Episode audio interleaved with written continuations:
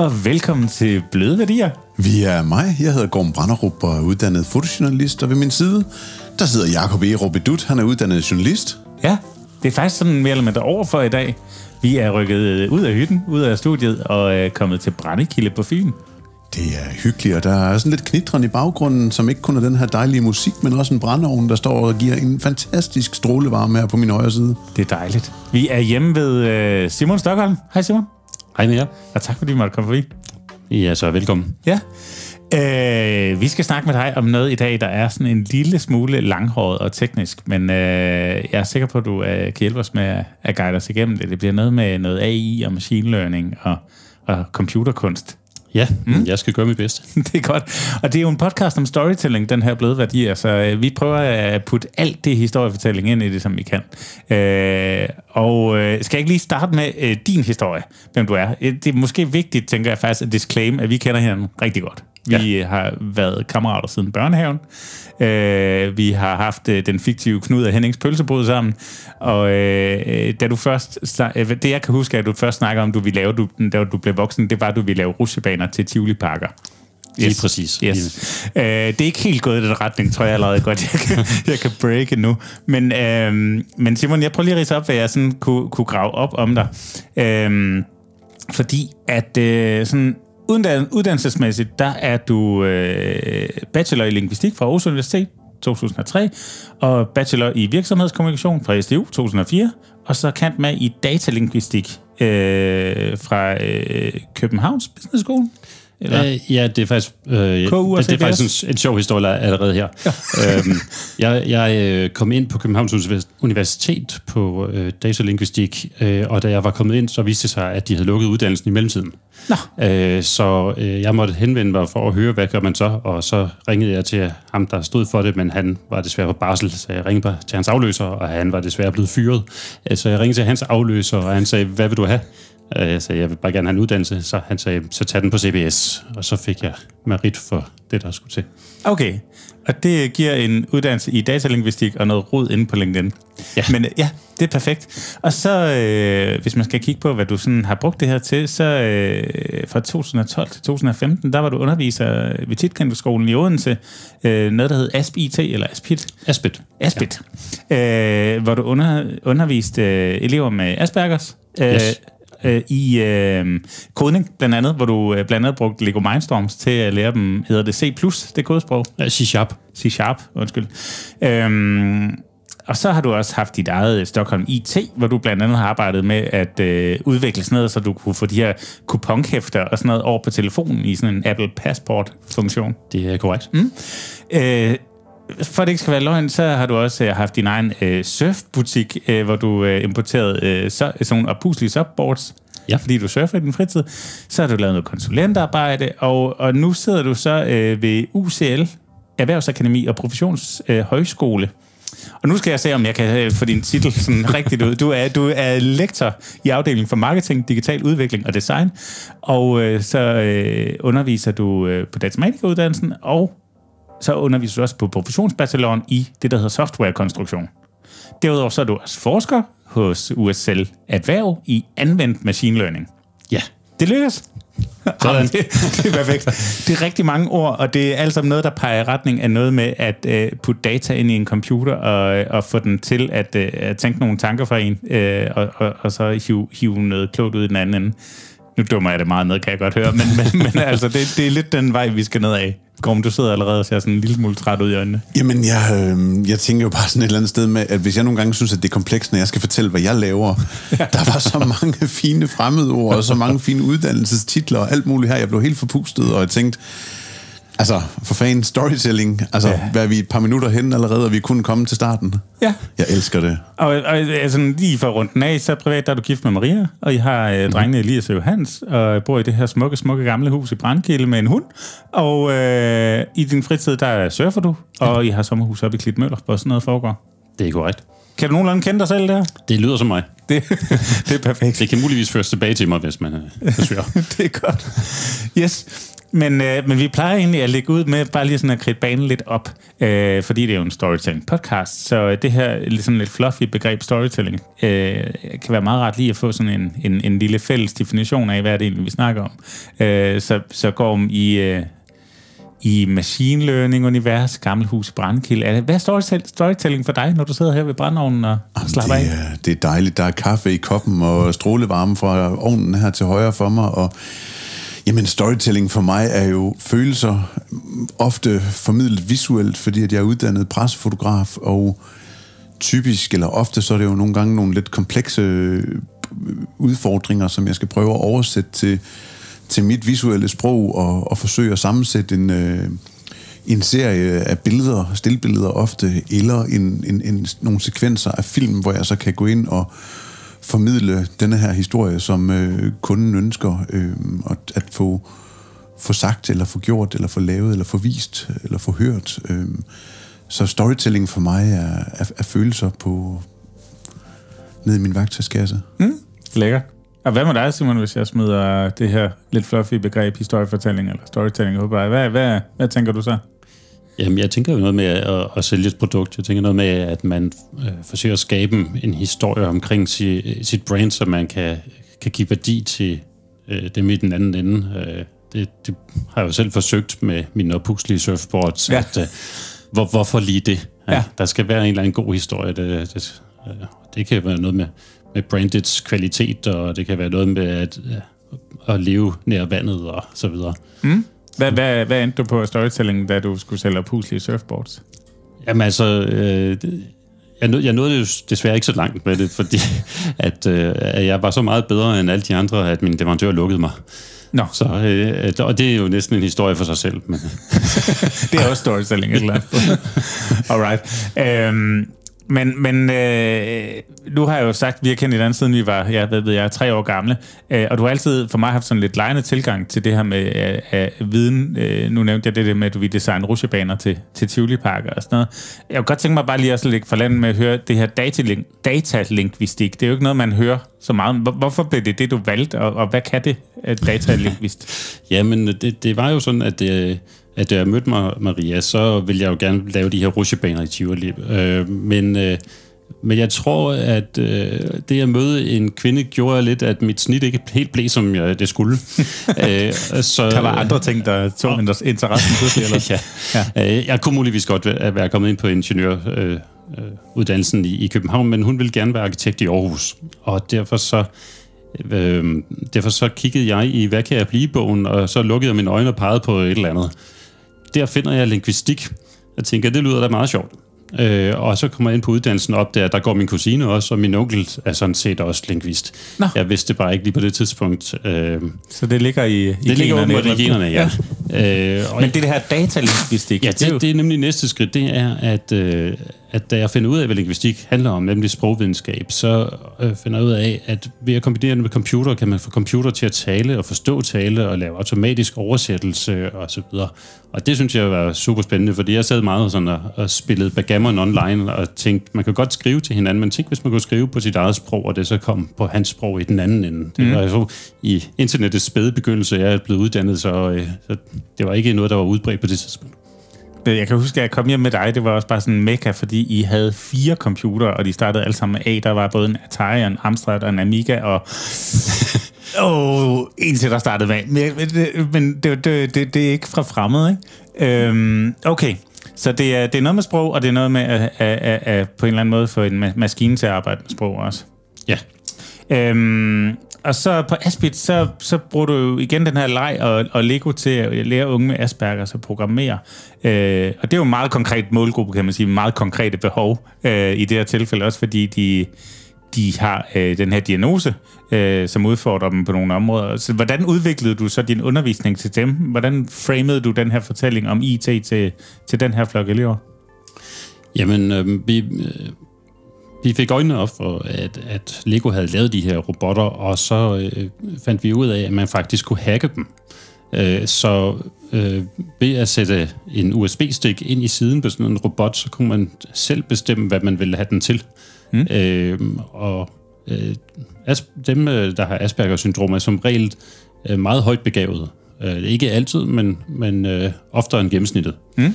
Øh, så, øh, så det var egentlig mest sådan, øh, først gav jeg nogle eksempler i punktform, sådan her kan du gøre, og så var det ellers sådan lidt fri leg, øh, prøv at se, hvad vi kan føre det til. Så, så eksamensopgaven blev sådan noget med, kan du bygge en, en bil, der kan parallelparkere? Hvis du får tre sensorer. Øh, så det er en Lego-bil, du simpelthen skal en, en Lego-bil, du, du skal selv bygge bilen, du skal selv få den til at parallelparkere helt automatisk. Ja.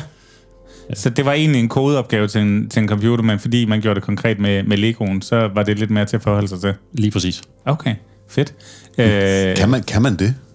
Ja, ja. Det, øh, altså, øh, kan man få den til at parallelparkere? Det kan man godt. Ja. Wow.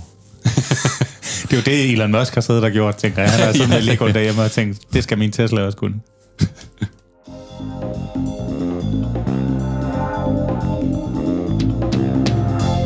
Men, øh, men, men snakken her, jeg tænker jeg, skal lidt i retning af det her machine learning, fordi at der er en masse gode historier gemt i det.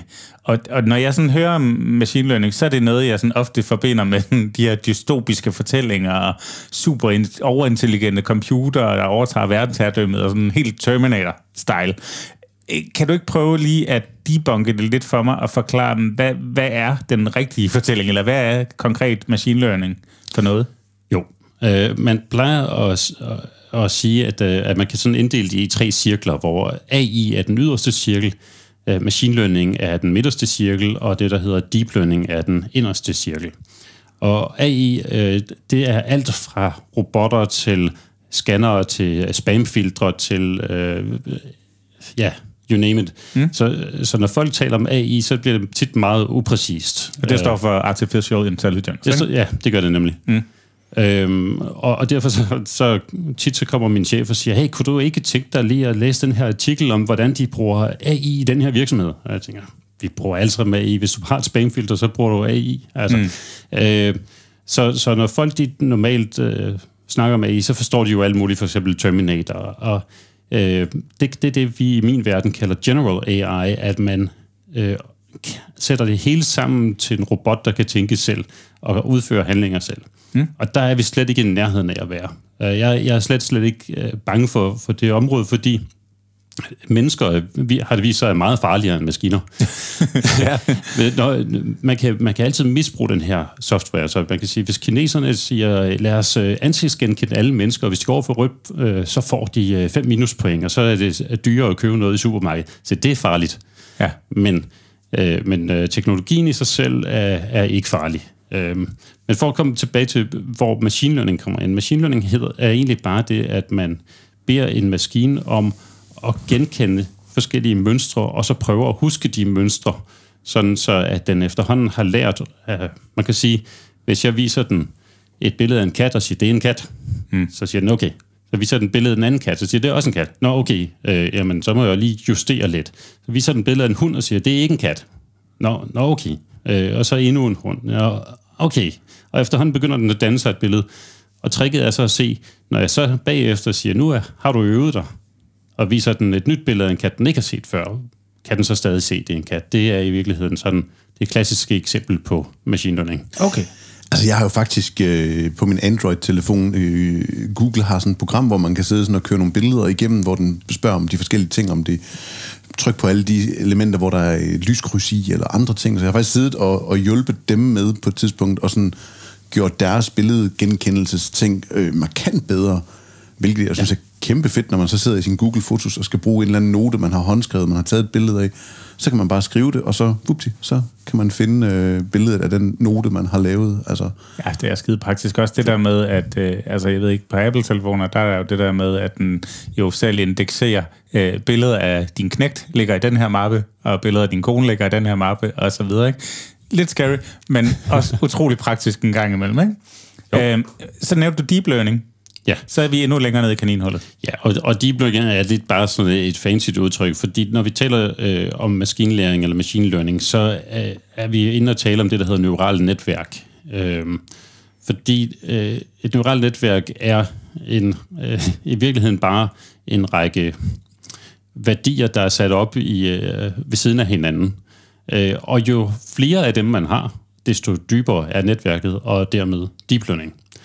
Men uh, jeg er ikke helt sikker på, jeg uh, nej, uh, man kan sige, uh, hvis du har et input af øh, af et billede, som er... Øh, lad os tage et billede af en kat, og nu er det i sort-hvid.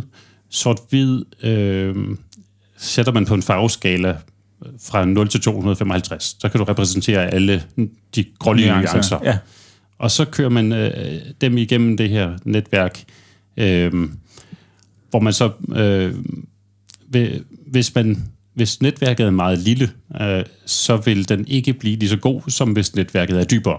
Øh, og så har man så kaldt det deep learning. Okay. Så, så det er machine learning bare i et ekstra niveau, og med nogle yes. flere neuro, neuroner. neuroner. Perfekt. Mm altså, øh, nu nævnte jeg den dystopi før, men er, er der reelt noget, vi skal være bekymret over, når vi sådan går og fodrer computer med alle øh, menneskernes viden inden for akkumuleret viden og kunst? Er der, er der nogle eksempler på, at, øh, at de fortællinger, vi har fodret maskinerne med, er blevet misbrugt? Øh, ja, øh, helt sikkert. Altså, jeg... Øh jeg er personligt sådan øh, meget ambivalent i forhold til, til Facebook, fordi altså, jo flere oplysninger du udleverer om dig selv, desto, øh, desto mere ved de om dig og, og kan tilpasse. Og det, det er jo både rart, at på den ene side, at de kan tilpasse reklamer til dig. Det er også ubehageligt, fordi de ender med at, ligesom at kunne styre dit liv. Altså Amazon har jo som mål at sende dig øh, din pakke, inden du har bestilt den. fordi, de, fordi de mener at kunne regne ud, hvad du har tænkt dig at købe. Ja. Øh, og, og det er jo selvfølgelig meget rart, hvis man reelt vil det, men har man så pludselig et, øh, længere et frit valg. Altså, jeg synes, det, det der, det begynder at blive lidt creepy. Ja, helt sikkert. Så der, der kan man godt tale om måske et misbrug, eller i hvert fald ja. et sted, hvor man ikke selv sådan, synes, man har kontrol længere i hvert fald. Ja. Så jeg ønsker mig et par nye hovedtelefoner. Jeg ønsker mig et par ja. jeg, jeg ved godt, hvilke reklamer du får i dit feed. og så er der jo, øhm, så er der jo også det her øh, deepfake, tænker jeg, er, er, er, er et godt tidspunkt at bringe det i spil også, fordi øh, der har der vi gået og talt om noget storytelling, der kan blive forvredet, ikke? Øh, hvis man kigger på der er det, der hedder FaceApp. Det legede vi alle sammen med sidste sommer, tror jeg. Ikke? Er det en russisk eller kinesisk teknologi, hvor man kan ændre ansigtet på øh, øh, Daenerys Targaryen fra Game of Thrones, og så kan man sætte sit eget ansigt ind. Det gjorde jeg. Det blev utrolig sjovt. Og, og så samtidig så er der nogen, der sidder og ejer rettighederne til ens data. Øhm, og der er også, øh, da vi talte sammen forleden, snakkede vi om den side, der hedder This Person Does Not Exist, ja. øh, som jo er ikke eksisterende personer, der er bygget af en computer. Ja.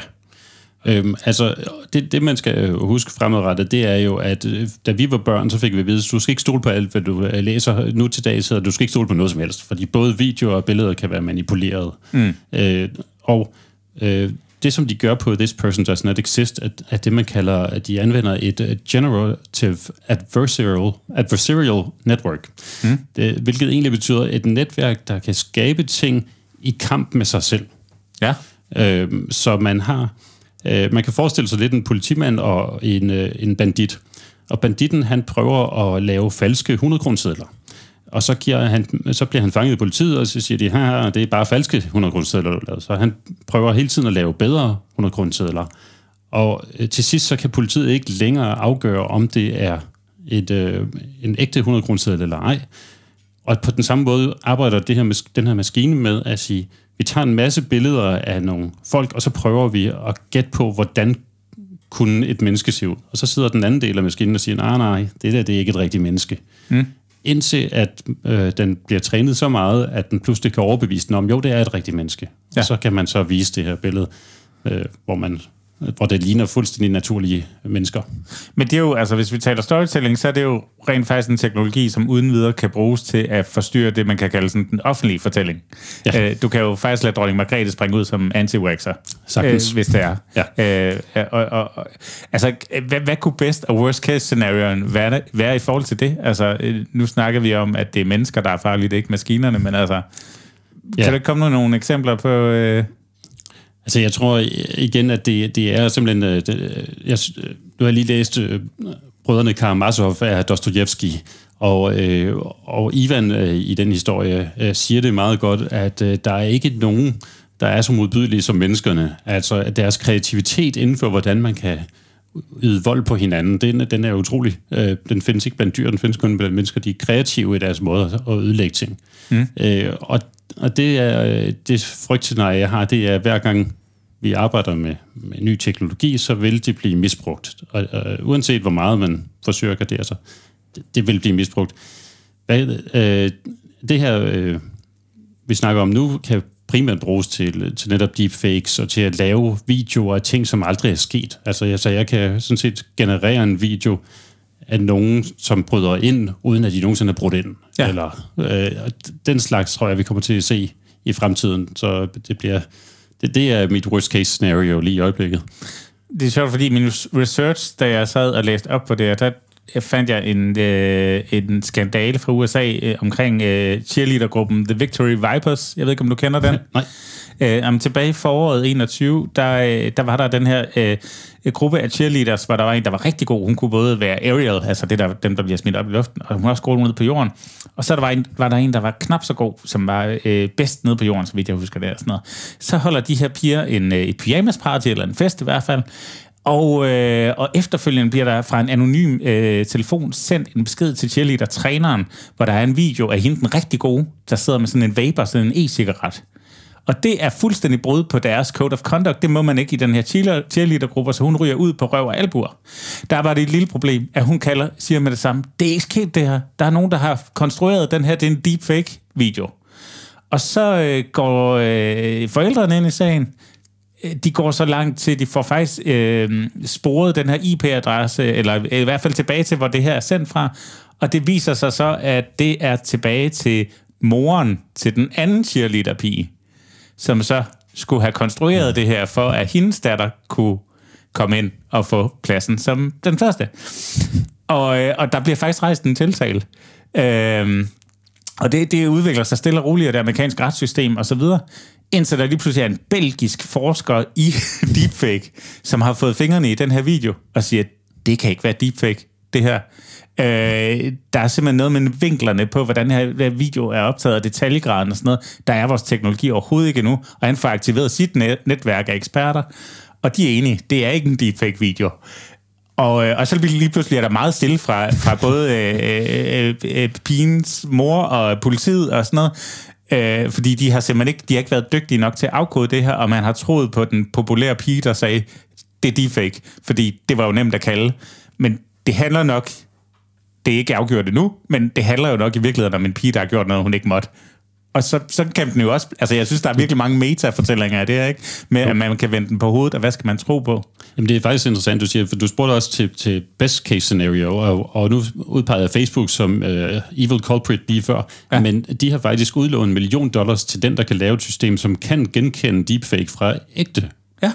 Øh, og hvorvidt det lykkes endnu, det ved jeg ikke, men det arbejder man ihærdigt på, fordi man jo gerne vil kunne luge ud i alle dem der, og så kan det være, at en af de der parter bliver dømt jo.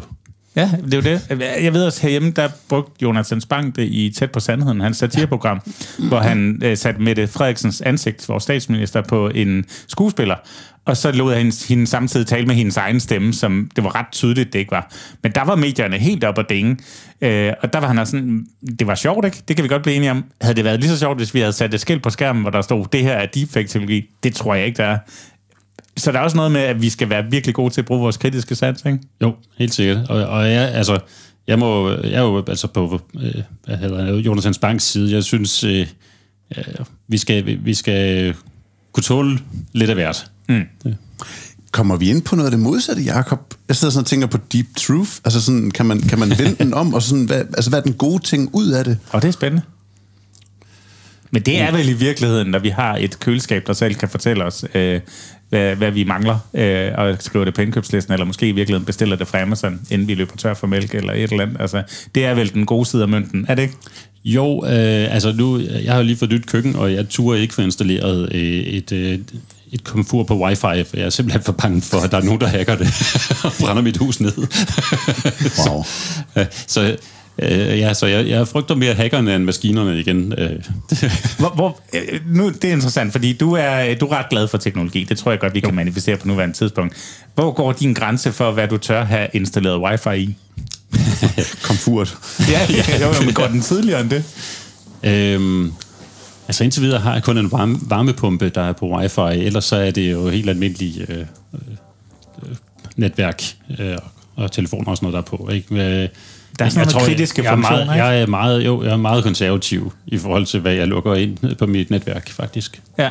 Det. Du vil jo tydeligvis være sådan en, jeg tænker, hvis Simon ikke gør det, så skal jeg nok heller ikke gøre det. Fordi det, altså, der er noget viden der, som jeg ikke har. Men, men er vi ikke også der, hvor at, at du jo sagtens kan lave dit eget lukkede netværk, hvor at, at den ovn, den jo sagtens kan stå i, uden at den kan tilgås fra noget udefra?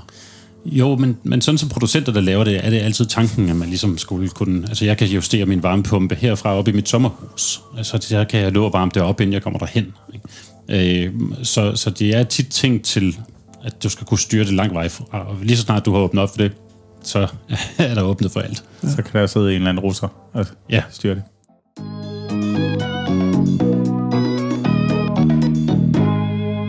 Nu skal vi snakke lidt om kunst. Ja. Fordi at øh, du har jo du sidder med et forskningsprojekt på dit arbejde, mm-hmm. øhm, og der har I øh, simpelthen fået bevilget penge til at øh, købe en af de her store øh, motherfucker machine learning computere, ja. som kan proppes med data. Øh, og det har du valgt at misbruge en lille smule. nu, nu ved, ved jeg ikke, om din chef lytter med her, og jeg tænker, at du har fået det klappet af, men du begyndt at få din computer til at lave kunst. Kan du ikke fortælle lidt om det? Jo, altså øh, faktisk så præsterede jeg at, at smadre computeren kort efter, vi havde fået den op at køre. Perfekt. Øh, fordi øh, den øh, simpelthen løb tør for RAM. Øh, for det kræver nemlig utrolig meget RAM at lave øh, kunst på computer, så, så jeg har gjort lidt brug af Googles computer også, fordi de har lidt flere RAM til rådighed, end jeg havde. Så der kan man simpelthen sætte den i netværk med dem? Øh, ja, de, de tilbyder gratis, at man kan gå ind og bruge deres maskiner. Ja.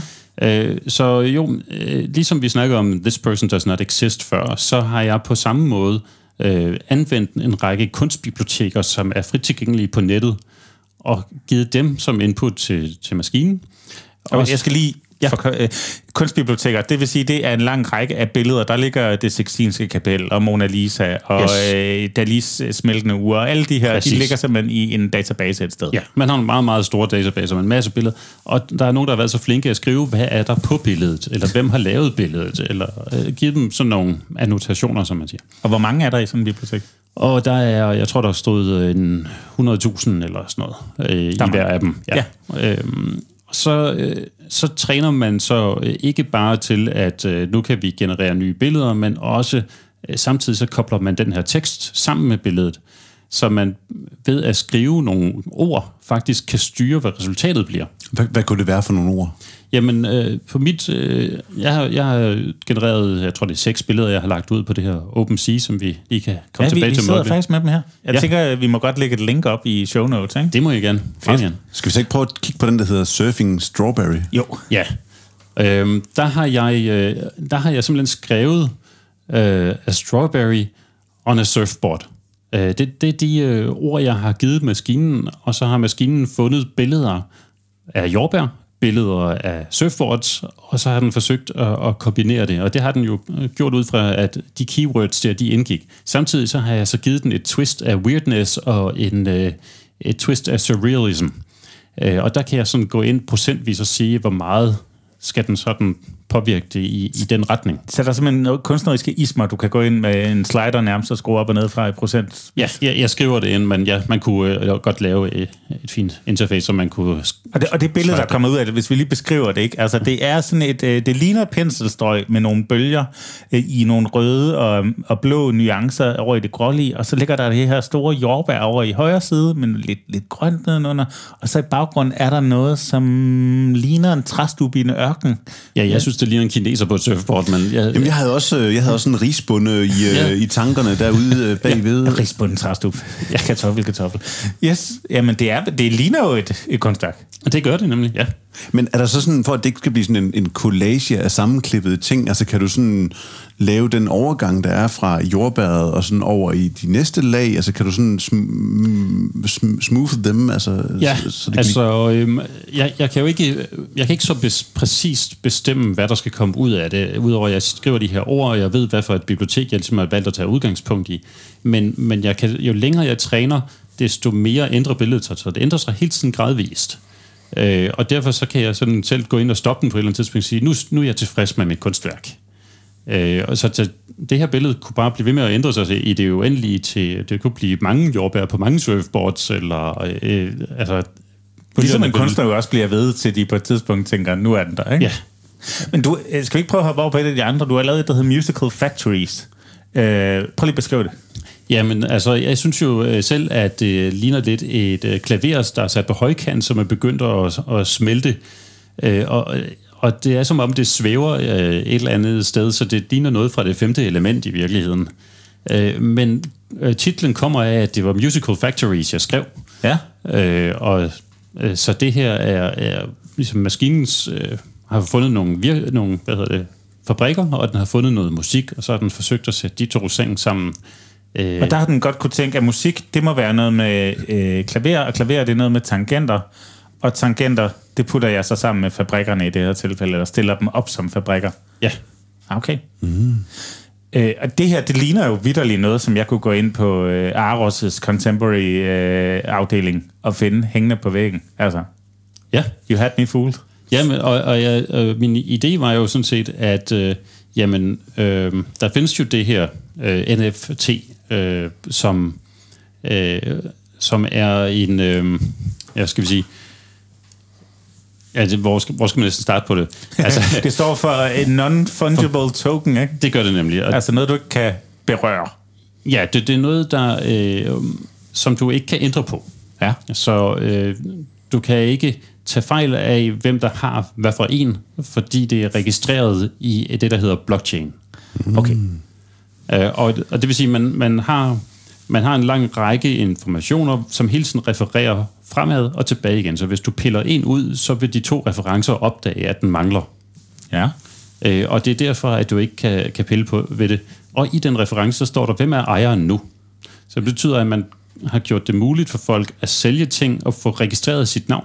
Ja. Øh, og så hver gang, at det skifter navn, jamen så kommer der bare en mere på i rækken øh, som refererer sig tilbage, så man kan altid se, hvem har haft den, og hvem har øh, betalt for det.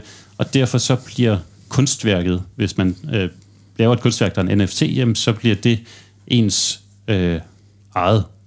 Det vil sige, at man nærmest putter sådan et digitalt fingeraftryk, som, som følger det med rundt, og som man kan se er blevet brudt, hvis det er, man gør det. Ja, lige præcis. Så okay. du kan sagtens tage kopier af det og dele ud til højre og venstre, men man vil altid kunne afgøre, om det er originalen. Ah. Om det er den, der var NFT'en. Så, men, men vil kopien så have sådan en copy, altså sådan en, den er ejet af data, data, data, data slash copy? Nej, den vil, ikke, den vil ikke have noget, så du vil, altså, du vil kunne se, at det ikke er en NFT, fordi den ikke har nogen reference i blockchain. Kan kopien registreres som værende sin egen NFT? Ja, det kan den sådan set godt. Ah, det var faktisk det næste spørgsmål, jeg også lige tænkte i.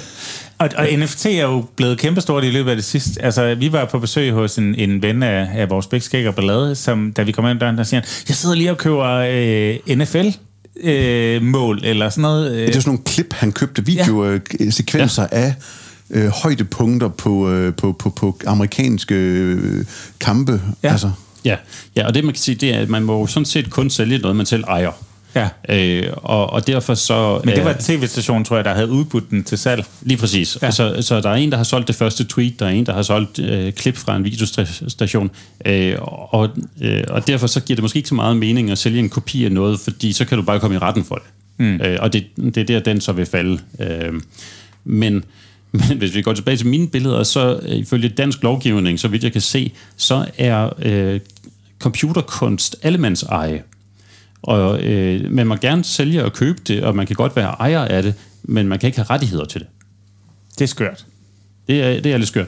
Øh, og det handler om, hvor meget man selv har præget sit billede. Så der er nogen, det, det er stadig en gråzone, og det diskuteres frem og tilbage, men der er nogen, der snakker om, hvis nu du beskriver den proces, du gennemgik for at nå til billedet, så har du sådan set stadigvæk sat dit præg på billedet. Jo. Ja. Jeg skrev strawberry og surfboard. Ja. Når, når, så er det jo beskrevet. Det har man jo et eller andet sted. Altså jeg kan jo, når, når jeg tager et fotografi og trykker på knappen, så er det mig, der ejer rettighederne til det billede. Men jeg kan jo godt lave et instrueret foto, hvor jeg får en anden en til, altså hvor jeg simpelthen instruerer det hele, hmm. og være så detaljeret og få en anden en til at klikke på det, og så stadigvæk have... Du har stadig de intellektuelle rettigheder. De kreative rettigheder ja. til det, ja. ja. Og, og når min knæk på fire år øh, siger, jeg har tegnet en bombe, der eksploderer, så har han jo også gjort sig nogle tanker om, hvad det er for et værk, han har lavet. Så det kan jo godt være super simpelt, ikke? Jo. At, at man har tænkt tanken. Og i sidste ende kunne man jo bare sætte en streg hen over øh, sit eget øh, automatisk genereret billede, så var det jo i hvert fald ens eget. Ja, ja. Men, men kan du så kan du tage alle de data, du har fodret den med, og selv præge, hvad der står i den NFT, sådan, så når man decifrerer den, så kan man se, at du har øh, puttet de metadata ind i for at generere den? Nej, det kan man okay. ikke sige. Det er, det, og grund til, at jeg prøvede at lægge det ud som NFT, det var virkelig, fordi jeg tænkte, øh, kunst fungerer jo ikke ret godt til NFT'er, fordi NFT'er digitale, og kunst er som normalt, normalt fysisk. Mm. Øh, der er dog kommet digitale billeder og så videre, ikke? Men, men Mona Lisa er stadig fysisk, og hun mm. bliver svær at lave til NFT, medmindre man tager et billede af hende. Mm. Men computergenereret kunst er jo oplagt ja. som er NFT. Men vi er også hele vejen ned af det her uh, Ready-Made Duchamp, der får en, uh, et, uh, et, et lokum udstillet, fordi at det er netop tanken bag det, der er interessant, ikke? Jo. Øh, hjemme i Aarhus, der har vi Uwe Max, som øh, legenden går på, at øh, han, da han skulle optages på Kunstakademiet, sendte en bakke lev på ind. Øh, og, og, og så var det netop tanken omkring kunstværket, der skulle få ham optaget, og han blev afvist. Så året efter, så sendte han samme bakke på ind, nu med et stort lag mug på, og så kom han ind.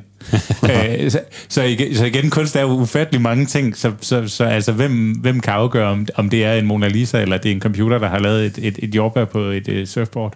Ja, og, og man skal også huske, at NFT'er er jo primært en aktie. Mm. Altså, de er jo ikke...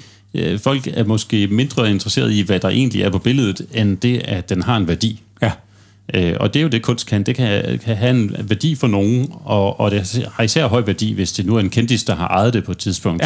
Ja. Øh, så hvis der står Mike Tyson et eller andet sted i blockchainen, jamen, så vil jeg gerne købe den. Øh, eller hvem det nu kunne være, måske ikke lige Mike Tyson. Men, Man tilfører det værdi på mange parametre. Altså, ja. det kan være enten det ene eller andet, eller hvem der har ejet den, eller den har hængt det her sted, eller den er lavet den her tidsperiode, eller den er en del af den her isme, som der kun er lavet tre af, eller sådan noget. Ikke? Præcis. Men, men jeg synes jo egentlig, at der er to ting i det her, som er super, super spændende, fordi at tager en kæmpe, kæmpe stor maskine, din computer, som kan det her, og så kan du fodre den med med alle mulige fine øh, databaser, og så har du så lavet det her billede her, som siger, det hedder Sleeping with Fishes. Fishes. Fishes. Fishes. Men, men, men jo som egentlig er en stime af fisk, som jo svæver sådan farverigt rundt i det her sådan vandige univers, og jeg synes, at det er en super flot farvekomposition og den måde, den sådan bevæger sig rundt i det. Jeg kan ikke lige se sådan det sovende element. Måske er der igen en risbunde uden hat nede i bunden, men, men, men, men jeg synes bare, at det er et, et, altså, imponerende, at man kan fodre en maskine med få ord, som den gerne må tage referencer ud af en database, sammensætte noget, som du siger, den kan fortsætte med at udvikle, og så lave et kunstværk på. Altså, der synes jeg, der ligger en kæmpe masse sådan, historie i det øh, og, og, og, og snakke ind i, og så er det hele NFT'en, som jo så også er spændende, fordi kan man så sælge den kunst, og um, mit hoved eksploderer. Og vi lægger lige et niveau på, fordi så sælger du det faktisk for kryptovaluta. Det er sandt, ja. så det er jo hele den der, der er det igen øh, blockchain-teknologien, der er inde til at vurdere, øh, hvor meget af, af det her billede værd, jamen det er jo udbud og efterspørgsel og så videre, det bliver hele tiden forhandlet man, man kan godt prissætte sine billeder derinde, men på nuværende tidspunkt, der er, står mine øh, bare listet uden pris, og man kan faktisk godt købe dem alligevel. Man skal bare øh, give et bud. Øh, grund til, at, at jeg ikke har sat dem til salg, er, at der er en entry fee, der er temmelig høj. Ja. Øh, så... Øh, så indtil den falder lidt, så... Du er ikke kendt i snok, siger du, til du regner med, at du kan hive den fee Nej. er det så alle former for kryptovaluta? Nu går man, jeg har en lille ting kørende med, at vi har investeret i, i, i en lille bit smule kryptovaluta hver især, og vi ja. har især to øh, hunde-kryptovalutaer, vi, vi battler lidt på, om det skal være Dogecoin eller Shiba. altså, så vidt jeg forstår, så er det, øh, det Ethereum, man bruger lidt inde på OpenSea, og det er fordi, det åbenbart er blevet den kryptovaluta, man mest bruger til at købe og sælge ting på nettet. Nå, øh, hvor, hvor øh, jamen, bitcoin er ligesom bare en kryptovaluta, der øh, altså, den startede jo øh, igen blandt skurkene, og øh, har så bevæget sig ud og, og blevet mere bare noget, man handler med, ligesom øh, valutakurser og valutabørser. Mm. Øh, men men uh, Ethereum er meget sådan, det kan du handle med på nettet. Der kan du købe på webshops og så videre. Så wow, det, det er endnu et kaninhold, man kan hoppe ned i. Og, og vi kommer til at få et dedikeret afsnit, der kommer til at handle om kryptovaluta på et tidspunkt, kan jeg godt tease for nu her, med en, uh, med en uh, stor personlighed på området. Men, men Simon, ser du dig selv som, som kunstner, når du så sidder og, og, og roder rundt i det her? Altså, nu, min, min kone har jo altid været kunstner og meget, meget dygtig til det, og, og pludselig kunne hun godt, følte hun lidt, hun havde fået konkurrence konkurrence. Øh, ikke mindst fordi jeg kan jo øh, kreere malerier meget, meget hurtigere, end hun kan. Det må man sige. Øh, og jeg Hvor lang tid tager det at lave sådan Jamen, det tager en sted mellem 5 og 10 minutter for selve produktionen, men det tager temmelig mange år at nå der til. men der er vi jo så, noget hen. Yes, ja. Jamen, så tager det faktisk ikke mere end 5-10 minutter. Så Bortset fra, at din computer tydeligvis er blevet hængende i 90'erne, fordi det der farvevalg, det er præcis det samme, som jeg havde på mit teenageværelse.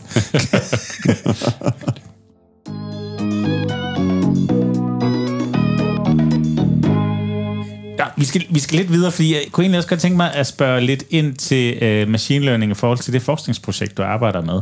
Ja. Øhm, nu skal jeg se, om jeg har forstået det. Uh, det er, det er um, machine learning omkring færger, vi er ude i. Yes. Og det er et spørgsmål om, at der er en færgerute, der simpelthen uh, på et tidspunkt ønsker at overgå til batteridrift, og derfor skal de optimere så meget de overhovedet kan på den her færgedrift, så færgerne kan have længst tid i havn, hvor de kan lade og udnytte den her batteri mest muligt. Og, øh, og til det, der går man simpelthen ind og analyserer på, hvordan de for eksempel, forskellige kaptajner på skuden styrer skibet. Er det ikke sådan noget? Og så øh, korrigerer efter, hvordan man så får det til at blive mest effektivt i forhold til batteridriften? Jo, altså der, der er to ting i det. Øhm, jeg, jeg har været med til at skrive en artikel, som handler om et øh, øhm, energy efficiency øh, support framework, som egentlig, det system support framework, som handler om, at man vil gerne kunne lade på den bedst mulige måde, og der skal man tage højde for vind og vejr og bølger og strøm. Øh, man skal tage højde for, hvad er prisen for at lade i øjeblikket, man skal tage højde for, hvor meget er der, strømmer der tilbage øh, på batteriet. Øh, og der kan man bruge machine learning til at gå ind og prøve at komme med nogle forslag til, hvordan bør du så øh, sejle, hvornår skal du lade osv. Og det, den videnskabelige artikel linker vi jo selvfølgelig til i show notes, hvis man har lyst til at dykke ned den. yes. øh, og, men den næste artikel, jeg så sidder og arbejder på lige i øjeblikket, det er nemlig det her med, at, at vi har en hypotese om, at ligesom mennesker har en, en gangart, så findes der sikkert også en sejlart. Ja. Øhm, og den er ikke nødvendigvis unik for den enkelte, men måske er den en, en del af en gruppe. Måske sejler øh, nogle mennesker på en måde, mens andre sejler på en anden måde. Måske er det ud fra hvem, der har undervist dem. Det er jo trods alt mesterlærer, ja. øh, som man kunne forestille sig, at man sådan kunne, kunne gruppere øh, i forhold til øh, sejlstil.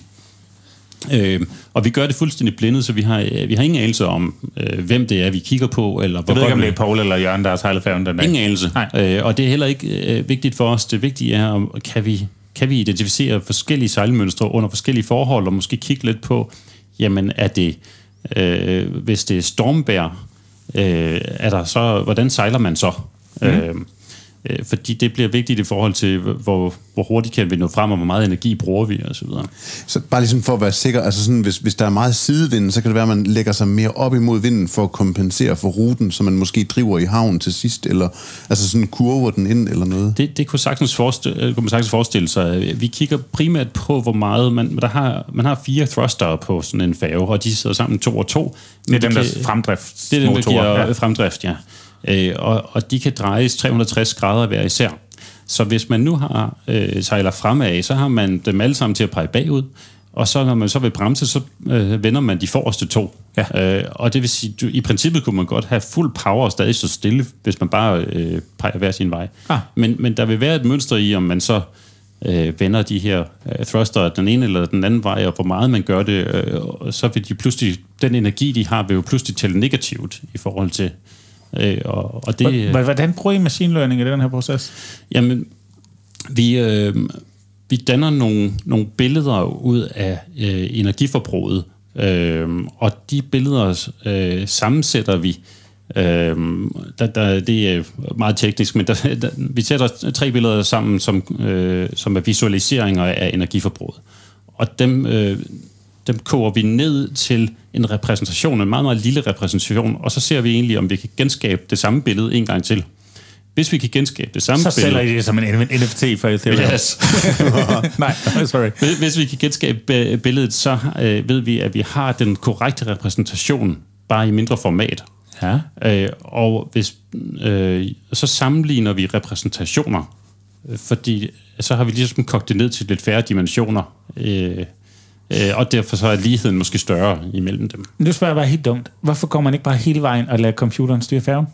Ja, men det er øh, måske også øh, en mulighed på sigt. Altså, mit, mit drømmescenario vil være en Ghost Rider, altså hvor man, ligesom i et computerspil, at du får sådan en, øh, midt på, du kan se ude på, på havet der, der er en lille streg, og den skal du holde dig på, og du skal holde dig på den i forhold til den rigtige fart og den rigtige retning. Øh, fordi du ved hjælp af de her øh, de her grupperinger, vi, vi kan generere, måske kan finde ud af, jamen hvis du sætter farten en lille smule op nu, så kan det faktisk godt svare sig, fordi derhen der er vind lidt bedre, eller der, altså, mm. øh, mhm. du er bagud i forhold til tidsplanen, så det gør ikke noget, for vi kan godt nå det på batteriet, eller hvad det kunne være. Ikke? Så det er sådan noget argumented reality, Lige man præcis, kunne bruge det, ikke? det, det kunne man nemlig koble ind over, så, så det er sådan en altså Pokémon Go-teknologien. Ja, ja, nemlig. Perfekt. Men hvorfor stoler vi stadigvæk mere på mennesker end maskiner, når der for eksempel, altså, jeg bilder mig ind, jeg har læst, at der sker markant færre uheld med selvkørende biler, end hvis man sætter mennesker ind i dem? Ja, øh, jeg, jeg vil sige, nu er øh, lige præcis, øh, Spotsbjerg Tors er en af de mest trafikerede steder i hele verden. Ah, det, så der er mange øh, muligheder for at støde ind i ting. Det er der. Ja. Øh, men, og her er vi på færgeruten. Ja. ja, yes, vi har lige været det, det, det er Pokémon, ja, ja. og vi har lige været på biler, og nu er vi tilbage det går i, stærkt. på færgen. Det er bare med på. ja. det, den hedder Langelandslinjen, ejes af Molslinjen, og, eller drives af Molslinjen, af Storbælt. Shout out. Så. Kom bare du. øh, men ja, øh, det, det er en meget trafikeret rute, og jeg, øh, og ja, der er ikke så mange automatiske færger endnu. Øh, det er faktisk nogle af de nyere færger, og det er grund til, at man overhovedet begynder at tænke i de her baner, fordi vi skal overgå til grøn energi, og så vil man gerne forsøge med nogen, der, hvor man kan kombinere at lave en hybrid til at starte med, og så gå helt over på bare at lade den køre elektrisk. Tænk, tænk, men tænk, tænker du, at vi er på vej derhen, hvor den kommer til at være selvsejlende? Det tror jeg. Ja, der er et timeframe på Altså, øh, det her... Øh, øh, regeringens øh, idé her med, at det skal køre på batteridrift, det er i 2030. Øh, og så tror jeg, at da 2040 eller sådan noget, så er vi på nogle øh, elektriske eller øh, automatiske færger, øh, mm. kunne jeg forestille mig. Vil du, er det ligesom din ovn? Vil du være tryg ved at på den, eller er du bange for, at der sidder en teenager over i Rusland og, og hacker din færge? Oha, ja, altså, øh, jeg, jeg ved, at øh, selvkørende biler er blevet hacket tidligere. Øh, nu man kunne lade være med at have netværk på færgen. men, men hvis vi nu skal tage sådan øh, 2030, vi står der, øh, vi skal overbevise lokalbefolkningen, journalisterne og sådan nogle ting. Hvad er sådan lige de, den, den sætning, der gør, at man altså, der skal sælge det her produkt her over for, for borgerne? Øh, altså det, som vi arbejder på nu, tænker Ja, altså sådan det, hvad udmyndter det sig i? Hvad er det, det kan, ja. når vi... Jamen det er det, som det, der er kommet et krav oppefra, om at, øh, at de skal øh, gå, overgå til øh, batteridrift, og derfor ved de ikke, jamen, hvor meget batteri kræver det her, og hvordan sikrer vi, øh, når vi kun er i land 15 minutter hver, øh, hver time, øh, jamen, hvor kan vi så overhovedet nå at lade nok? Øh, vi, vi er simpelthen nødt til at have, have nogle målinger, nogle, øh, øh noget forskning på, der fortæller os, om, om det her er realistisk. Øh, og det, det, øh, altså, derfor så bygger vi så de her forskellige systemer og forslag til, hvordan kan I sikre, at det kan lade sig gøre. Øh, så, så befolkningen bliver nødt til at købe den, om de vil eller ej. Det er, det bliver simpelthen besluttet overfor. Yes. Altså, du har jo sådan en ladeplade, du lægger din øh, telefon på, når du skal lade den op på kontoret, Jakob. Jeg forestiller mig sådan en færge, den lige sejler hen og bliver løftet op, og så lader den, og så fem minutter, og så er den ud igen. Jeg ved allerede med, med biler, altså den nye øh, VW Robrødet, som de øh, relancerer i 2022, der har der simpelthen tænkt parkeringspladser, hvor du bare kører den ind og holder, og så er der trådløs strøm i parkeringspladsen, ikke? Altså her, der, der taler vi om en robotarm, der kommer hen og tager fat i færgen og kobler sig på, imens den sejler, mens den gang med at lægge til for at få øh, så meget energi. Så man dokker nærmest ligesom en rumstation på en eller anden måde? Ja. Så simpelthen for at fange den et minut tidligere, for at give den mest mulige power på vej ind? Yes, lige præcis. Åh, oh, spacey og, så, fedt. og så snakker man lidt om, om det overskydende energi måske kunne gives til de biler, der holder og venter ved færgen alligevel, eller sælges til dem, ikke? for at, man ligesom, øh, at det ikke bare går tabt.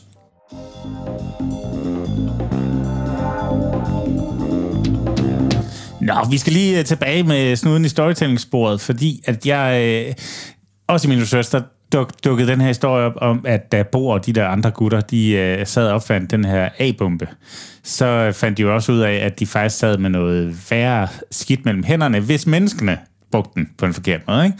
Og, og Bohr tog så, så øh, simpelthen på turné rundt til statslederne for at fortælle historien om, hvor meget man kunne ødelægge, hvis man ikke passede på, og især også plæderede for en eller anden form for transparens omkring, hvad kan det her? Altså, hvad, hvad, ja. hvad er mulighederne, så man vidste? Øh, tror du, at vi sådan inden længe ser øh, programmør, der tager samme storytelling-tur rundt til statsledere og, og, og skal overbevise dem om, hvad de kan og hvad de ikke kan. Det, det er allerede i gang. Jeg ved, jeg ved, Elon Musk blandt andet er en af dem, som slet ikke... Øh, altså, han, han taler imod AI. Øh, altså, er med i sådan en gruppe, der gerne vil advare statsledere mod den slags. Men, men hele det her etiske aspekt er faktisk kommet rigtig, rigtig meget frem, at man øh, på den ene side kigger man meget på, om data er biased. Altså, øh, det viser sig, at ansigtsgenkendelse er markant bedre til hvide mennesker end til sorte mennesker, fordi der simpelthen er flere hvide mennesker i datasættet. Ah. Øhm, og det samme mænd, øh, flere mænd, end der er kvinder. Øh, så der er en skævvridning i vores data, og ja. en, øh, machine learning er aldrig bedre end det data, vi putter i det. Øhm, men der er, også, øh, der er også mange, der har fokus på, jamen, hvad, hvad, øh, hvad kan det her bruges til? Hvad, hvor går det hen rent etisk? Så det er en, en diskussion, der for alvor er i gang. Ja. Altså, så, så er der også noget med det der med... Øh Mm, vi, vi skal hele tiden ud på nettet bevise, at vi ikke har robotter. Ikke? Øh, I gamle dage skulle man sætte flueben, og så mm. er det blevet til små puslespil, og nu skal man udpege, hvor er lyskrydset, eller kaninen, eller det var du lidt inde på før går med. Øh, øh, tænker du, vi alle sammen kommer til at tage sådan nogle Turing-test på et tidspunkt, hvor vi skal bevise, at vi, øh, vi ikke er noget fra... Øh, Altså, for det ikke skal være løgn, så har jeg bedt mine studerende om at prøve at se, om de kunne lave en uh, machine learning-algoritme, uh, der kan udpege lyskrydsene i det der Altså det vil sige, når du så skal ah. sige, om du er en robot, så, siger, så er det faktisk robotten, der lykkes bedre end mennesket med. og, og jeg, jeg læser så det er jo egentlig ironisk, at, øh, at det er computeren, der beder os om at, at sikre, at vi ikke er robotter. Ja. Altså, det er robotten, der spørger mennesket, er du robot?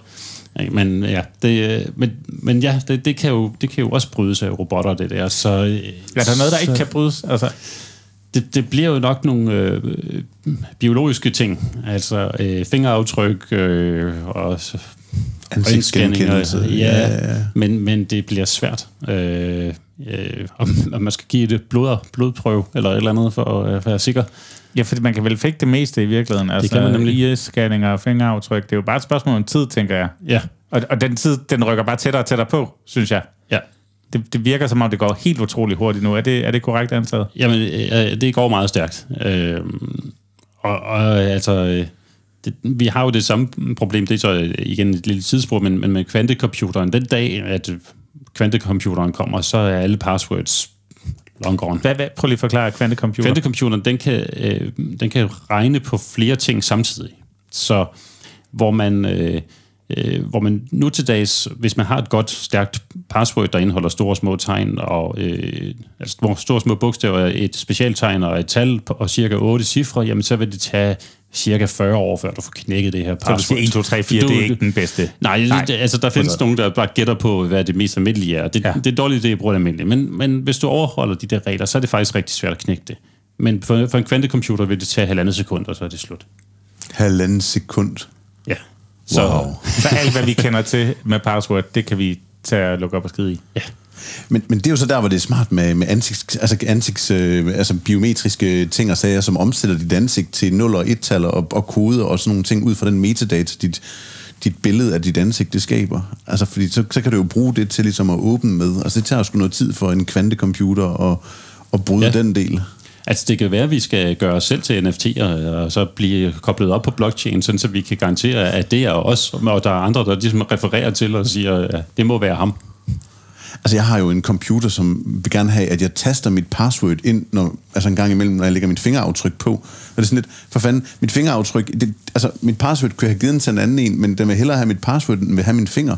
Ja, det... Altså, så det, det ville være genialt med sådan en NFT der, der kunne øh, personligt gøres over. Nå.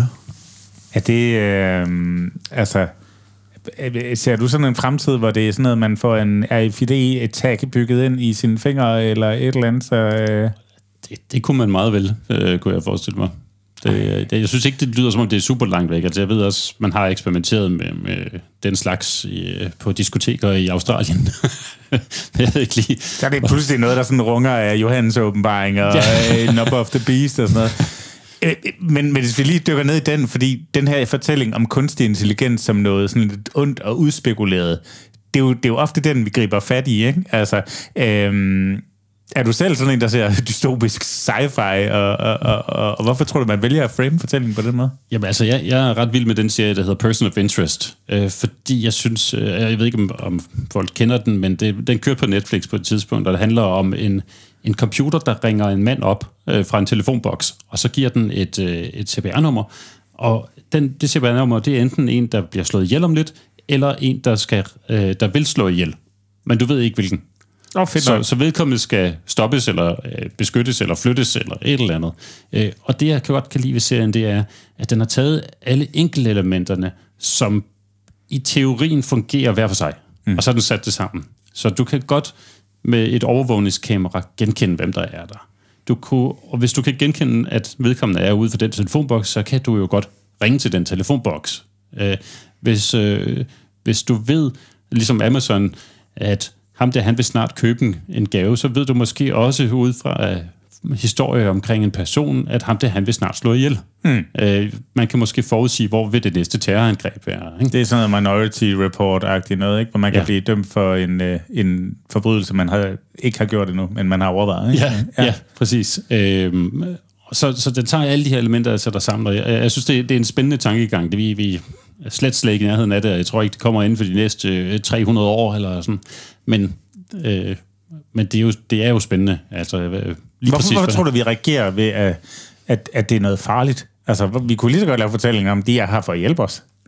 Ja, og det, det gør det, man jo selvfølgelig jo, også, jo, men, men der er bare den der frygt ja, ofte, der dukker det er, jo, det, det er jo det fremmede. Altså, det, jeg synes jo, det er sjovt, når vi, vi får altid 100 øh, nye studerende ind på uddannelsen, øh, og de kender ikke hinanden. Så deler vi dem i tre klasser, og pludselig vil det ikke have noget med hinanden at gøre. Ah. Det, man, man Fordi laver de andre her, er blevet fremmed for dem? Eller? Ja, ja, de andre er fremmed. Hvad vil I hos os? Øh, og det, det samme ser man i, i DR-serien Øen. Ikke? Du har to grupper, de skal ud. Det handler ikke om at sende folk hjem, det handler om samarbejde. Den ene gruppe går hen og besøger den anden, øh, og alle er glade, indtil de finder ud af, hey, de kommer og snylter på vores gode system, som allerede er her. Ja.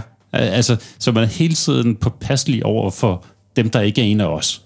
Vi kan godt lige sætte ting så, i kasser, så vi ikke skal overskue det hele, men kun vores egen gruppe. Ja. Og der er ikke noget, man står sammen om som en fælles fjende og alt det der, ikke? Ja. ja. Så når I ser mig snige mig udenom folk i køen på buffeten og gå om på den anden side, så ved jeg jo godt, at jeg lige pludselig er, at der er mange folk på den anden side, som er imod mig. Men jeg har også en hel masse mennesker, som kigger over på mig og tænker, fuck, hvorfor fik jeg ikke den idé? Nu får han alt det gode kød.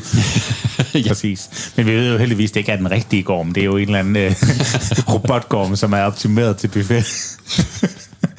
Perfekt.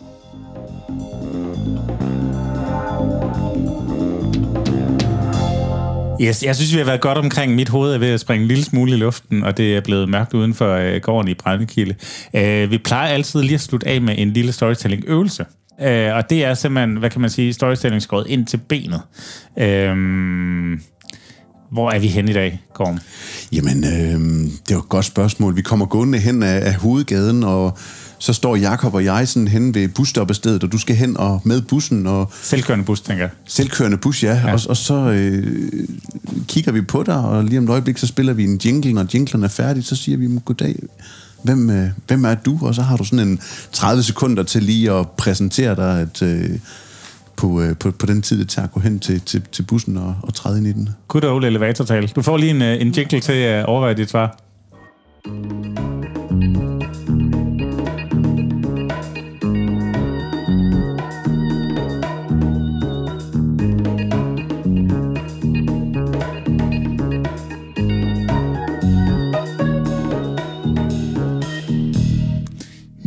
Men det er da også spændende, de der busser, der kan køre sig selv. Skal vi prøve sådan?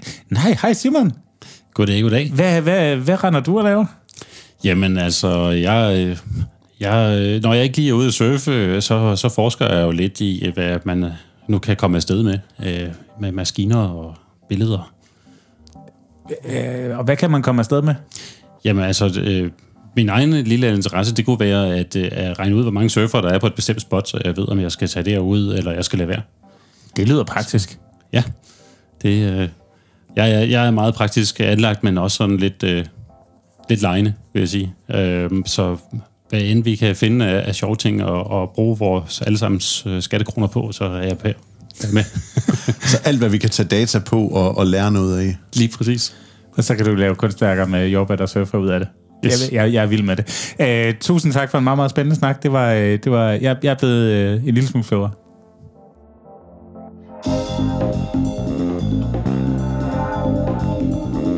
Ja, Simon Stockholm.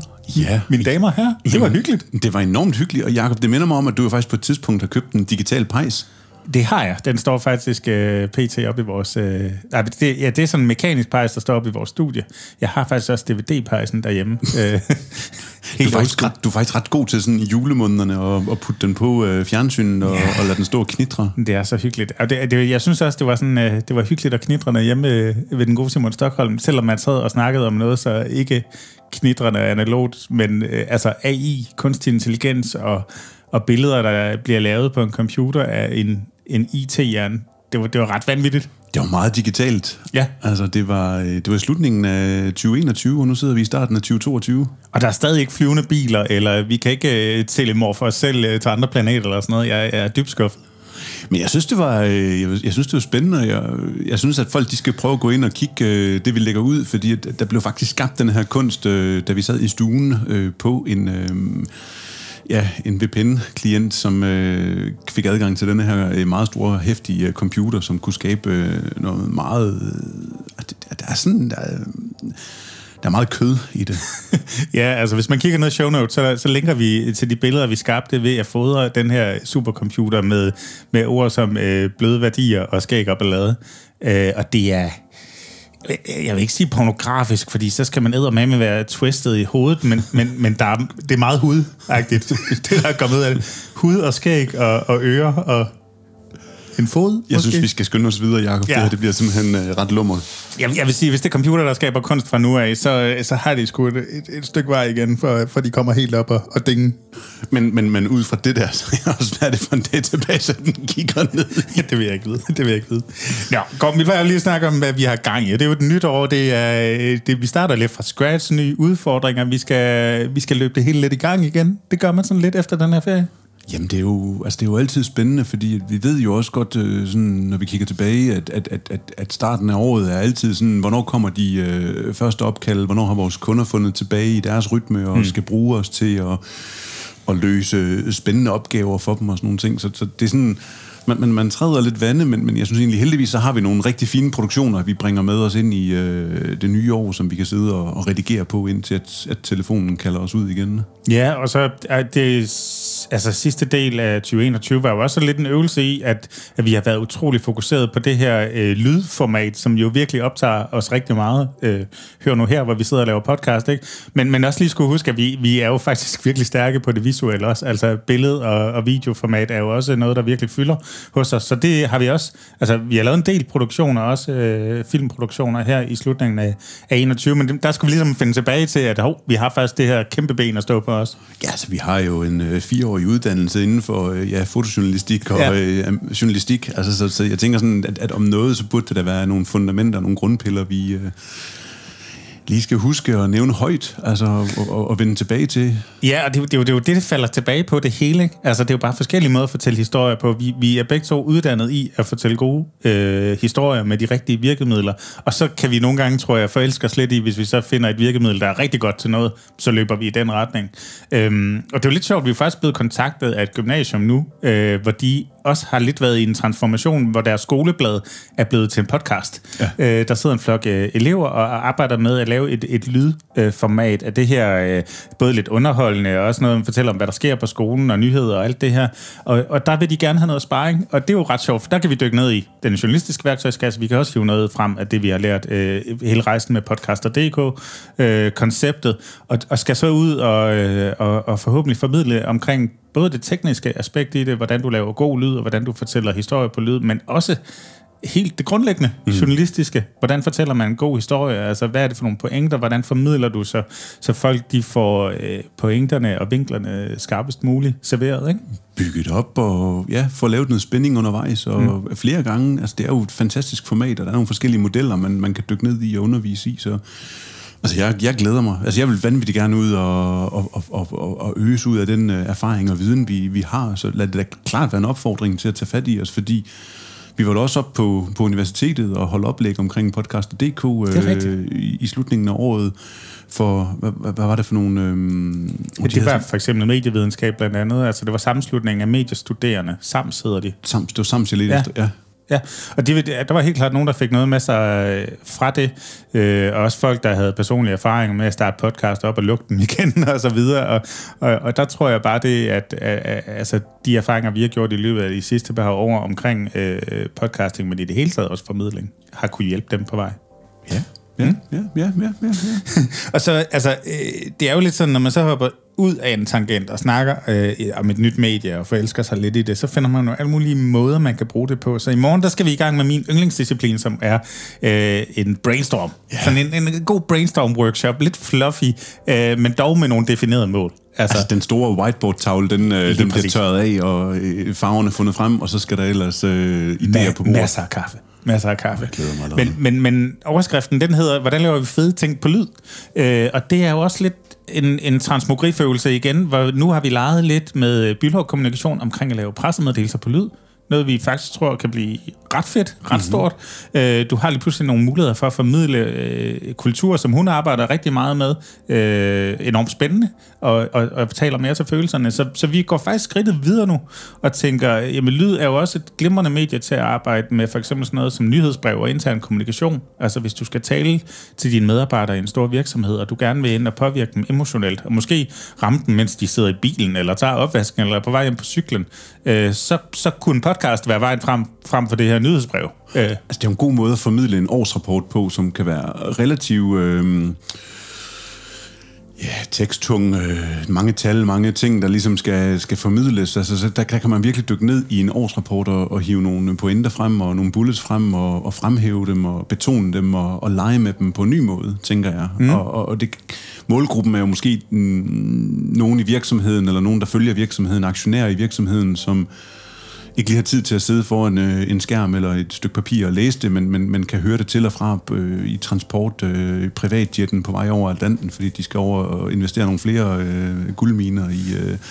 Silicon Valley. Ja, hvad, hvad ved jeg? Altså, det er snæver målgruppe, jeg kan godt lide det. Men altså, vi blev lidt inspireret af en kunde, der rent faktisk gjorde det her med, at øh, de fik så en kendtis til at indtale deres årsrapport til sådan røg ud til, til aktionærer og, og bestyrelser og sådan den vej rundt. Men, men en årsrapport er jo et kæmpe stykke arbejde, som en virksomhed laver hvor de finder alle de gode tal, alle de gode pointer, hele årets erfaring, hvad vi er blevet øh, klogere, rigere, øh, dummere, fattigere på, ikke?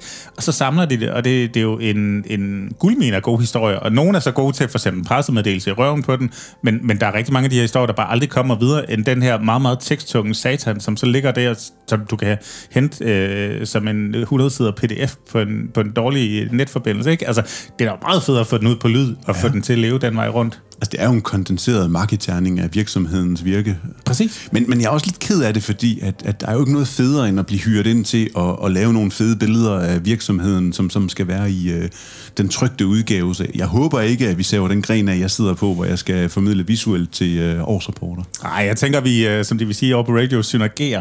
jeg, jeg, jeg tænker faktisk ikke, at, at den fysiske, eller hvad kan man sige, den tekstlige øh, årsrapport øh, forsvinder på nogen måde. Jeg tror stadig, der er brug for de gode visuelle sider til at, at følge den godt på vej. Jeg tror egentlig, at, at lyddelen af det kunne være sådan lidt add-on, som kunne give den en mere værdi, og det tror jeg virkelig kunne, kunne støtte nogle virksomheder i deres måde at kommunikere deres gode budskaber og deres gode resultater på. Ikke? Mm-hmm. Fedt. Nå, men det er sådan cirka det, vi går og laver her ved årets spæde begyndelse. Det er også spændende at snakke frem i, øh, der er jo for fanden, der er jo 12 måneder at løbe, øh, løbe ind i og, og, og i gang med, så jeg glæder mig til at se, hvad, når vi sidder her om en 3-4 måneder og skal lave sådan en status på, om vi øh, fik lavet rigtig meget af det her lyd her, så, så følg med. Altså. Ja, jeg, jeg elsker, hvor dumme vi er som mennesker. Ikke? Vi definerer ligesom, nu holder vi den her lysfest og fyrer nogle raketter i luften og sådan noget, og så starter vi på en frisk. Det har vi ligesom alle sammen besluttet. altså, nu, nu er det noget nyt. Nej, det er ikke. Men vi har også haft noget ferie, og jeg tænker, skal vi ikke lige have nogle, øh, nogle anbefalinger af øh, noget, man har lyttet til at se på et eller andet i sin ferie? Ja. Yeah.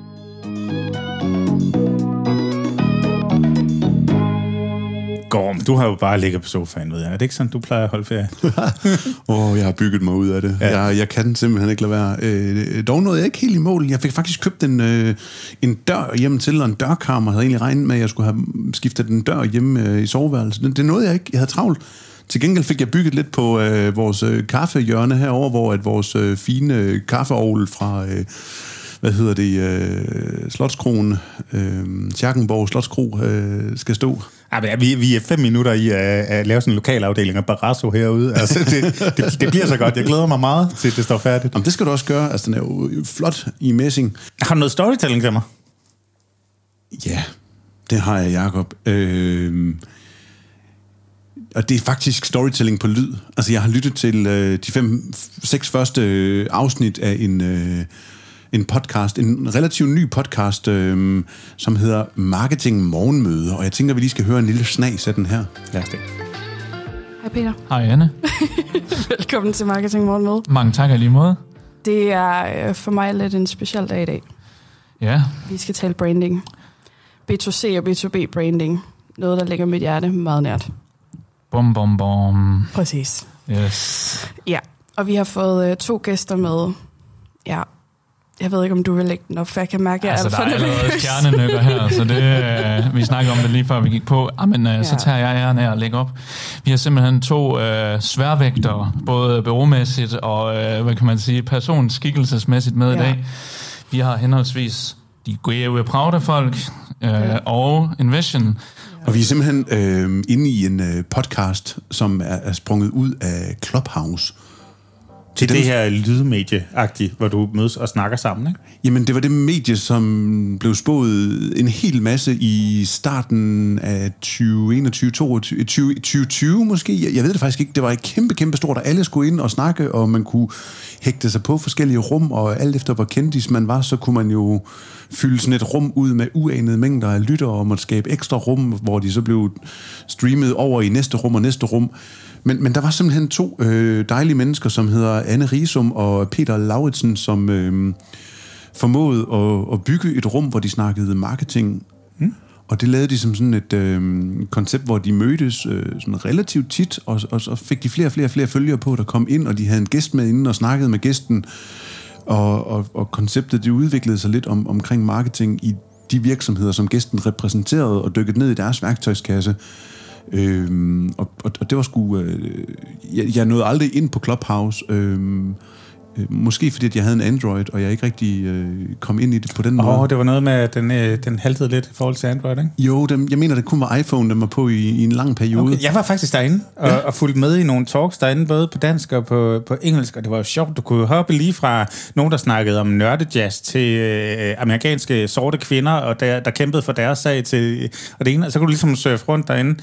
Øhm, og jeg kunne faktisk godt lide mediet. Altså igen, man føler, at man er med i, i en tryg, behagelig samtale samtale med nogle mennesker, der, der ved noget på området. Så jeg kunne sagtens forestille mig, at det kan leve glimrende videre som podcast.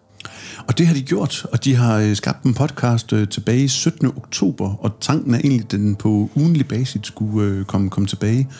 Og det er 17. oktober 2021, mm. og øh, hvis jeg bare lige sådan tager en tilfældig en her, som er lidt relateret, fordi at det er en service, jeg selv har brugt, så havde de inviteret øh, Katrine fra Pixels ind, og så øh, Frederik fra Price Shape øh, til en snak om, hvordan de ligesom har brugt det.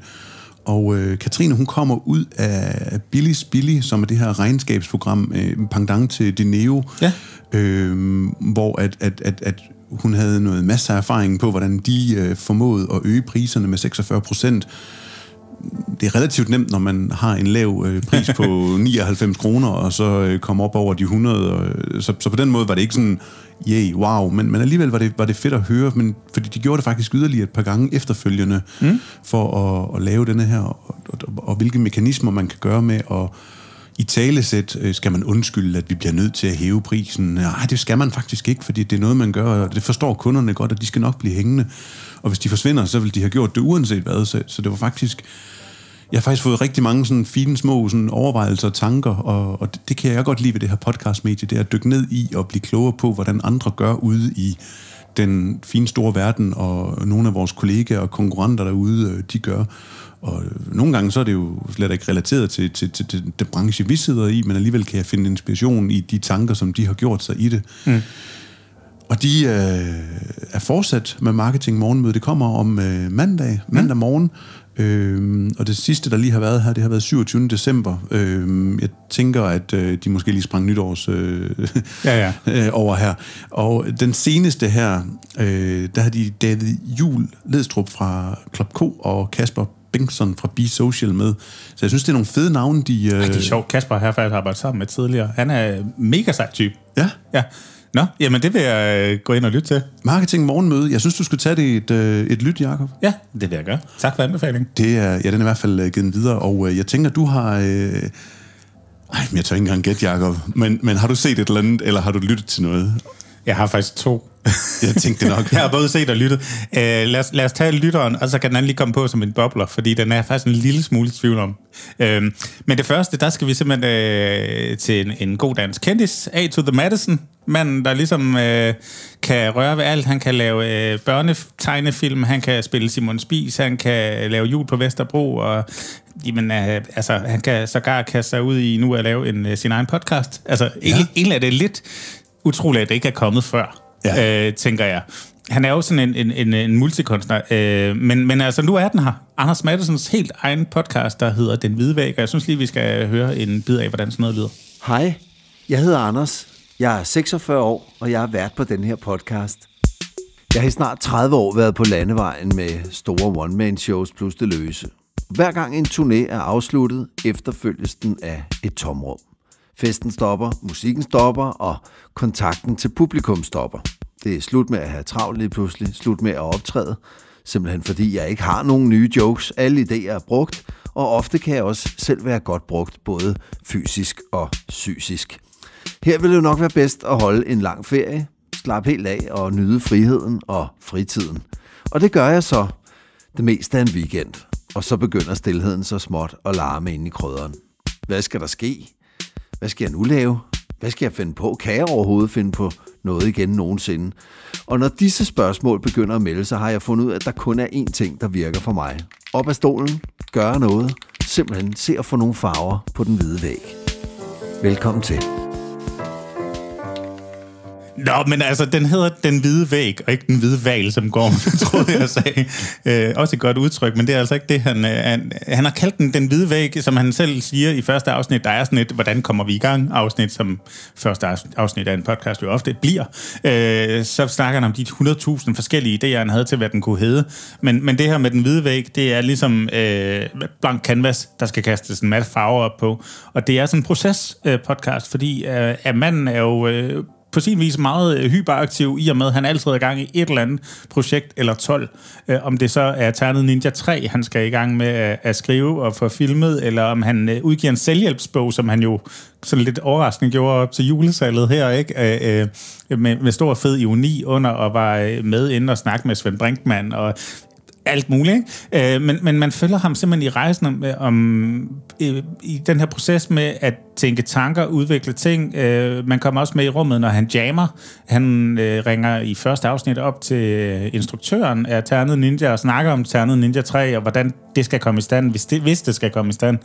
Øh, vi er også med ham ude, hvor han har taget sit reportagesæt med ud til en... Øh, et setup, hvor han skal filme sådan en moderne krybespil, øh, hvor han er i den her A. Madison-karakter fra selvhjælpsbogen, der øh, har svar på alting, selvfølgelig.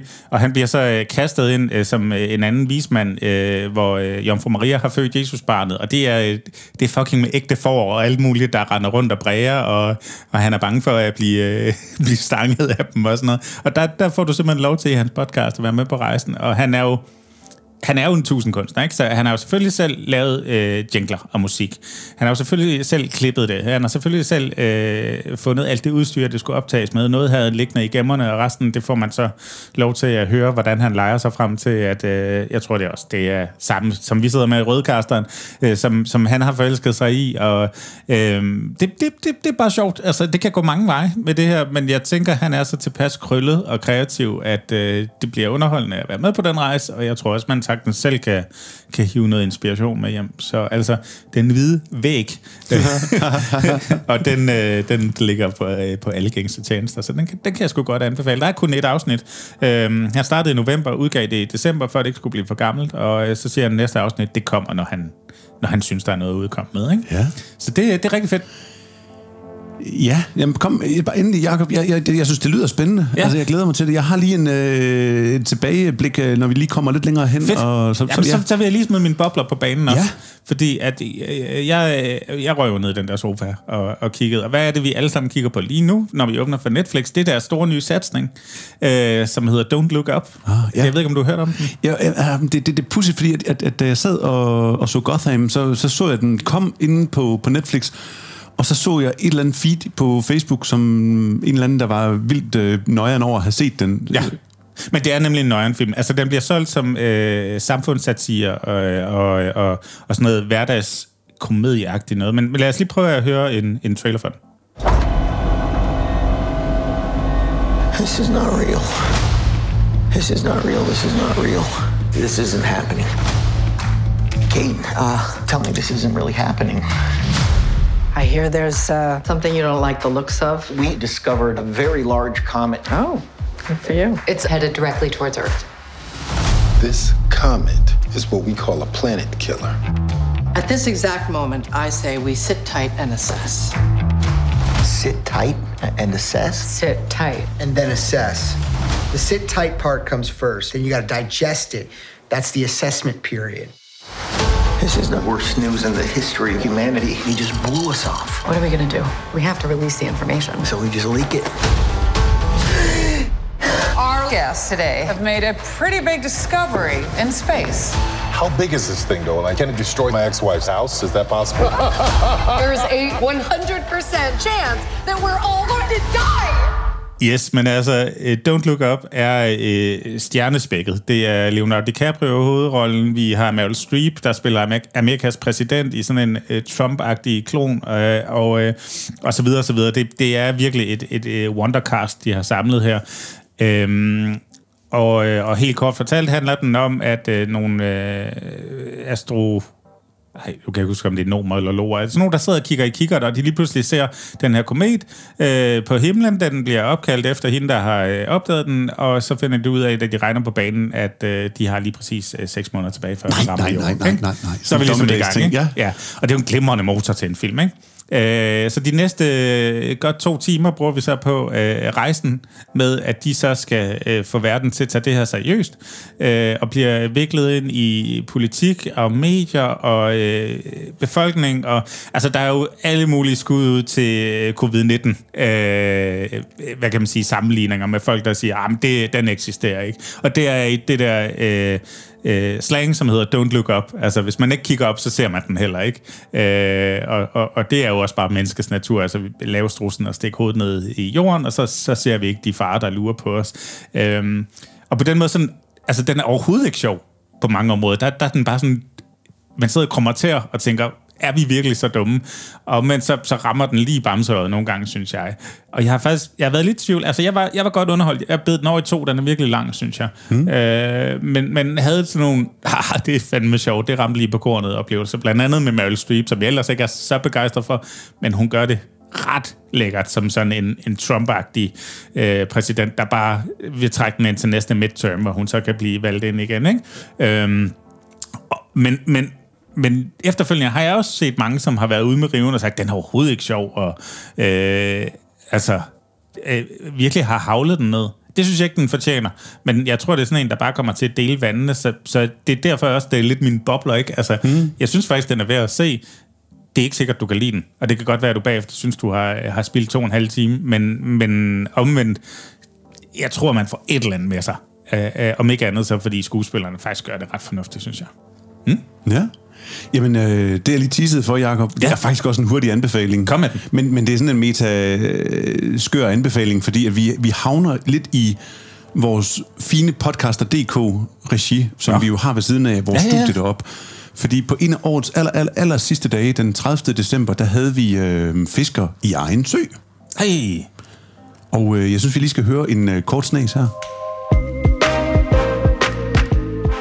Man siger, at det er så yndigt at følge ad, men det er heldigvis også alt muligt andet. Mit navn det er Stephanie Fisker, og sammen med min mand Kasper Fisker vil vi i denne podcast invitere jer helt ind i vores liv og tale om alt det, der rører sig. Med alt, hvad det indebærer af glæde, bekymringer og store og små begivenheder i vores liv. Du kender mig måske fra podcasten Anden til Venstre, hvor jeg siden 2018 har undersøgt andres liv, men i denne podcast fisker vi i vores egen sø og giver jer et åbent indblik i vores hverdag, og vi lover, at det ikke bliver kedeligt. Ingen familieliv er ens, og vi er ikke eksperter på andet end vores liv, men vi håber, at du kan finde inspiration eller et godt grin ved at lytte med. Velkommen indenfor hos familien Fisker.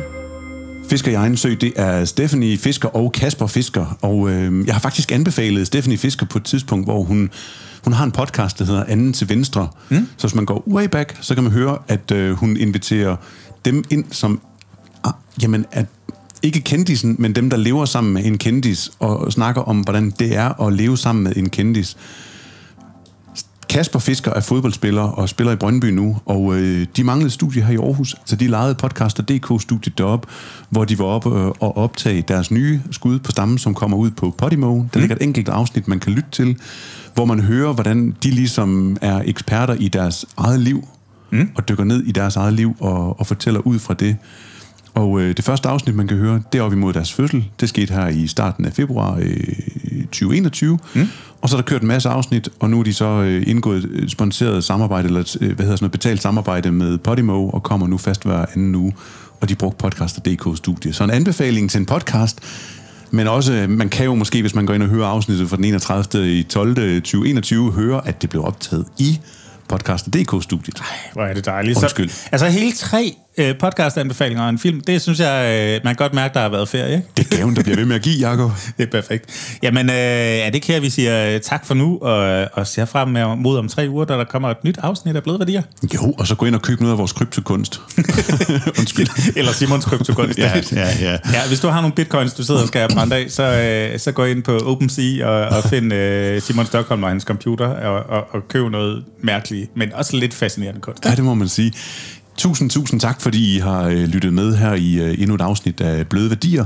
Og øh, hvis I har kunne lide, hvad I kunne høre her i denne her øh, halvanden times tid efterhånden, jamen så tøv endelig ikke med at gå ind og give os nogle anbefalinger, eller del den med dine øh, venner og bekendte, som skal blive klogere på det der storytelling der, som vi jo dykker ned i hvert afsnit med nogle fine, fine gæster.